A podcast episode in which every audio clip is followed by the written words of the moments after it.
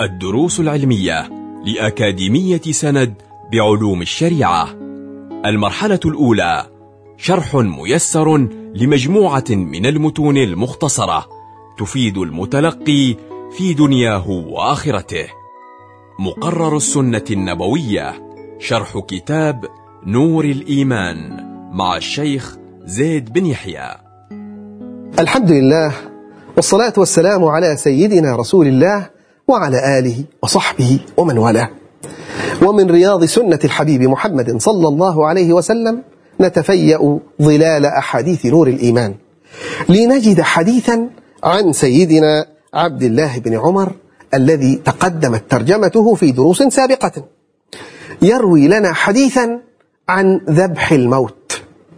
فيقول قال رسول الله صلى الله عليه وآله وسلم إذا صار أهل الجنة إلى الجنة وأهل النار إلى النار جيء بالموت حتى يجعل بين الجنة والنار ثم يذبح ثم ينادي مناد يا أهل الجنة لا موت يا أهل النار لا موت. فيزداد أهل الجنة فرحا إلى فرحهم ويزداد أهل النار حزنا إلى حزنهم رواه البخاري ومسلم. ولعل من الكلمات التي ينبغي أن نقف أمامها من كلمات وألفاظ هذا الحديث صار أي دخل. إذا صار أهل الجنة إلى الجنة أي إذا دخل أهل الجنة إلى الجنة. مناد لم يبين النبي صلى الله عليه وسلم اسمه. لا موت أي لن يصيبكم بعد هذه الساعة موت. الحديث يقول فيه النبي صلى الله عليه وآله وسلم إذا صار أهل الجنة إلى الجنة.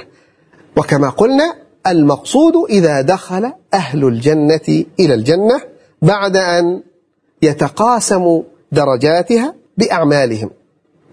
وأهل النار إلى النار أي ودخل أهل النار إلى نار العذاب كذلك جيء بالموت. وفي رواية في صحيح مسلم كأنه كبش أي يؤتى بالموت على صورة كبش أو غيره. والموت هو عرض ليس جوهر ليس شيئا محسوسا بل أمرا معنويا يقابل الحياة. ولكن الله عز وجل كما في هذا الحديث يجسد هذا المعنى في صورة هذا الكبش أو غيره ليقطع الأمل على الفريقين ولا سيما أهل النار. فيكون في بالهم وفي علمهم أن لا موت وأن عذابهم هذا لا ينتهي ولا نهاية له. قال حتى يجعل بين الجنة والنار أي حتى يكون متوسطا. بين الجنة وبين النار. ثم بعد ذلك يذبح. والذابح له كما جاء عن الإمام القرطبي عن بعض أهل العلم يحيى ابن زكريا عليهما السلام بحضرة النبي محمد صلى الله عليه وآله وسلم. فهذا الفهم أن الذابح هو نبي الله يحيى اختصاصه من بين الأنبياء بذبح الموت المجسد والمجسم لمناسبة لطيفة وهي مناسبة اسمه لإعدام الموت. وليس في الأنبياء من اسمه يحيى غيره عليه السلام. ثم ينادي مناد كما قلنا لا يعلم اسم هذا المنادي. والظاهر أن الذبح يقع بعد هذا النداء. والذي هنا يقتضي أن النداء بعد الذبح. ولا فرق بين أن يكون النداء أي بعدم موت بعد هذه الساعة قبل الذبح أو بعده. لا منافاة بين ذلك. فإن كان النداء قبل الذبح فللتنبيه على رؤية الكبش والانتباه. والنداء بعده للتنبيه على إعدامه وإنهائه. يا أهل الجنة لا موت. أي اهنأوا. وازدادوا فرحا ونعيما. فلن يصيبكم الموت وقد تم ذبحه. وفي رواية أخرى خلود فلا موت.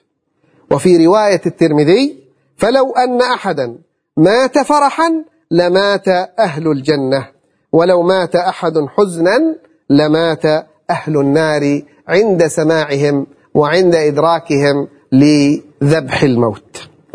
فيزداد أهل الجنة فرحا إلى فرحهم زيادة في النعيم المقيم ويزداد أهل النار حزنا إلى حزنهم زيادة في النكال والعذاب الأليم. ومن فقه الحديث أن نعيم الجنة يتجدد بعد دخولهم في كل وقت. بحوادث مختلفة منها إعلامهم بالخلود في دار القرار.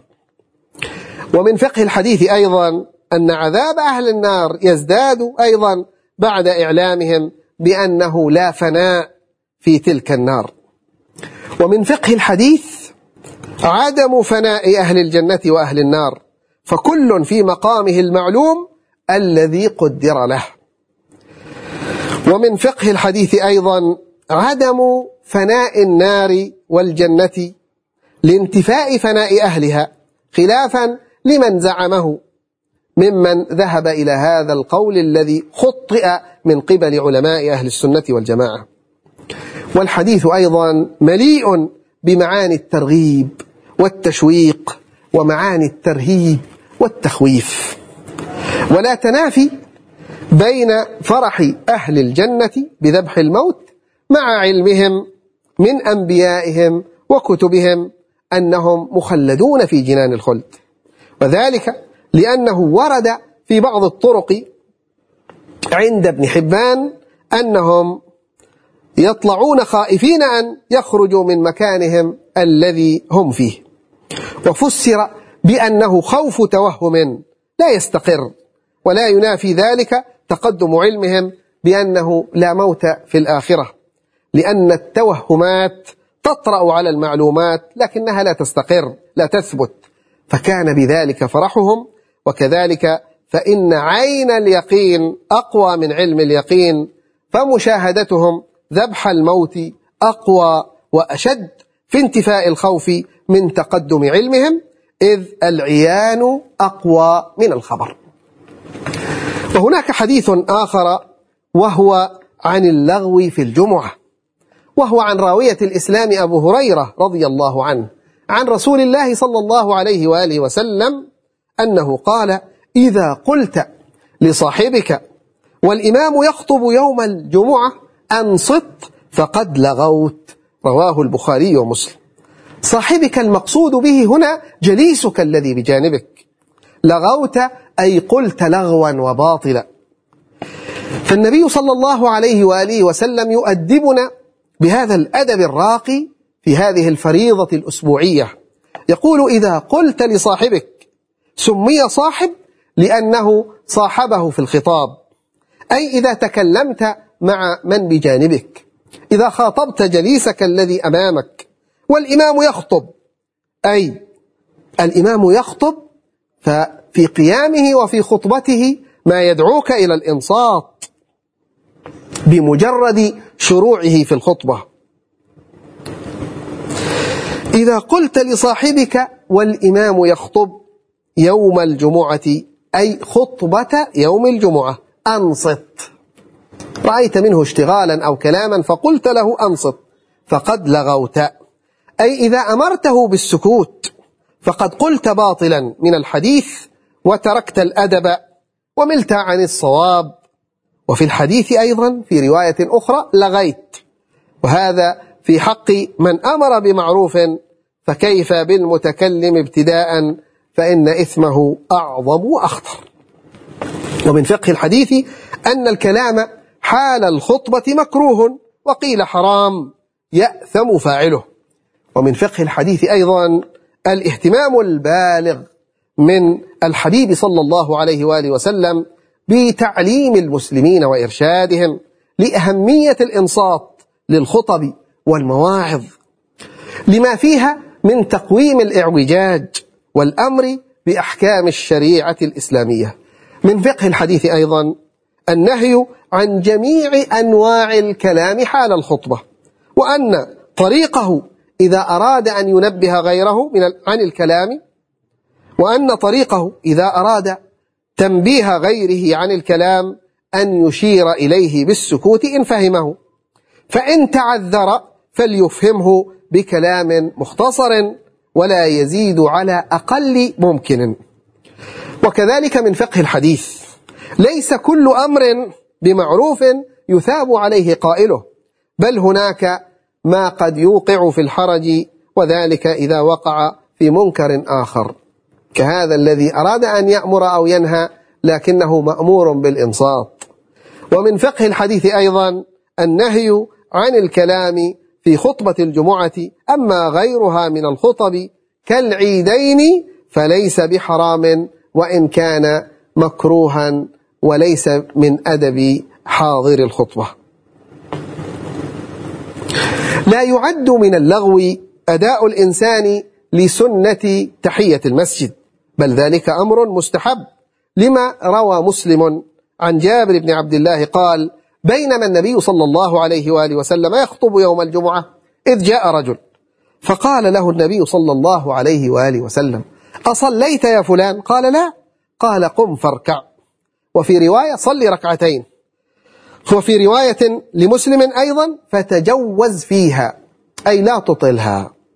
وفي هذه الروايات جواز الكلام في الخطبة لحاجة للخطيب ولغيره وأن تحية المسجد من النوافل المستحبة ويعذر من تركها جاهلا بها وتتأكد في غير وقت خطبة الجمعة.